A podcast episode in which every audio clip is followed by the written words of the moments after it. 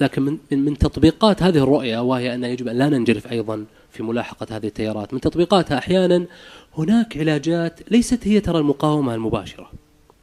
يعني مثلا آه، كنت في فترة تاريخية ما أناقش بعض الشباب مناقشة مباشرة. يعني هو يطرح فكرة خاطئة أنا أحاول أطرح الجواب الشرعي الصحيح. ثم اكتشفت أن في كثير من الأحيان ليست لم تكن المسألة مشكلة علمية فعلا.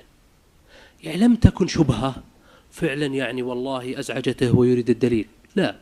وإنما كان هو حالة ضعف إيماني تدهور إيماني جعله آه، يعني فريسة سهلة لكل الشبهات الممكنة.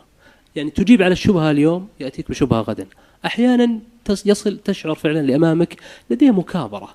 الموضوع لم يكن فعلا يعني شبهة وإشكالية علمية.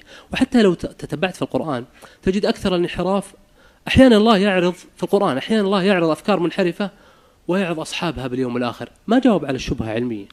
لما؟ لأن جزء كبير كان إما مكابرة أو عصبية للآبائية أو آه، آه، آه، شهوة الجاه مثل ما يعني يعني تعرض في التراث الإسلامي مثل هذه السلطات.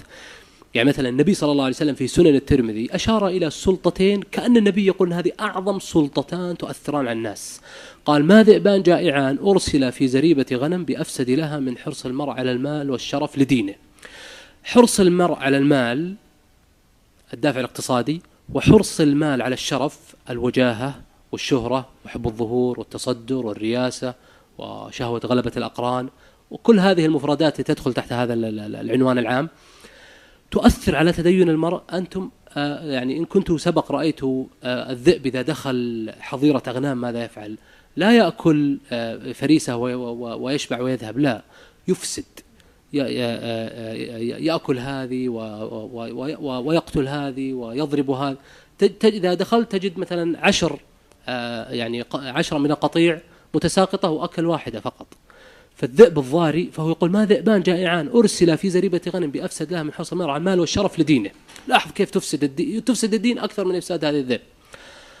آه الشيخ الإسلام تيمية أتى بشاهد قرآني لحديث النبي صلى الله عليه وسلم. قال أن إشارة النبي صلى الله عليه وسلم إلى حرص المرء المال والشرف في إفساد الدين يشير إليها قول الحق تبارك وتعالى ما أغنى عني ماليه هلك عني سلطانيه. هي أيضا إشارة إلى المال والشرف.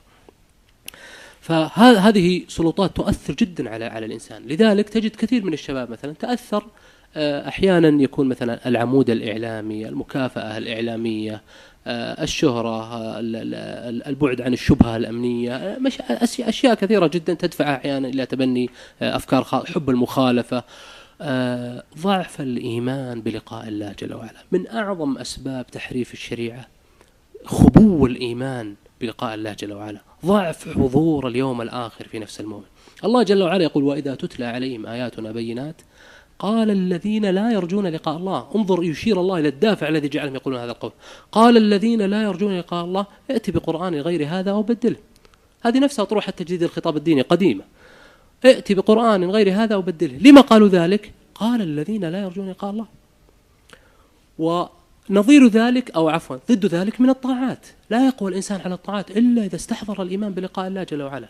الله جل وعلا يقول واستعينوا بالصبر والصلاة وإنها لكبيرة إلا على الخاشعين الذين يظنون أنهم ملاقوا ربهم. سهل عليهم. ليه؟ كمل العلم بلقاء الله جل وعلا في قلوبهم. ونحن مقبلون على الله في ساعة قريبة قادمة. أسراب الجنائز يوميا تمضي إلى المقابر.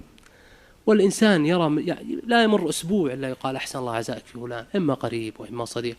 مر يا أخي الذين ذهبوا والله دروس وعبر لنا جميعا والله سنلقى ربنا كلنا في ساعة قريبة قادمة. وناس في هذه السنة في رمضان في الحج في السنة القادمة. إذا امتلأ القلب مثل ذلك أعرض عن كثير من الأمور بل تغيرت نظرته إلى طريقة تقييمه ومعاييره اختلفت جذريا. علم أن هذا كله دار مقر. الحياة السعادة الأبدية في الآخرة إما سعادة أبدية مليارات السنوات في قصور الجنة ونعيمة وإنما أو ذل وعذاب نفسي وجسدي في مليارات السنوات والعياذ بالله جل في في في نار جهنم. إذا امتلأ القلب بهذه المعاني نفت عن كثير من الشبهات ما احتاج إلى كثير من الردود.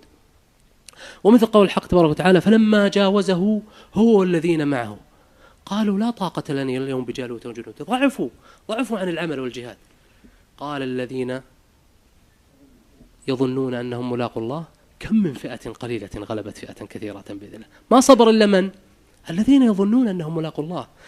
فمثل ما ذكر الشيخ جميل أيضا يجب أن لا ننصرف عن مثل ما كان السلف. السلف قاوموا كل هذه المدارس وردوا عليه ولكن أيضا يجب أن لا يجب أن لا ننشغل عن بناء خطابنا الإيماني العلمي الثقافي المتكامل. هذا هو أفضل وسيلة لتحقيق مراد الله جل وعلا ورسوله ولحماية شباب أهل السنة والجماعة الذين مسؤولية في أعناقنا اليوم.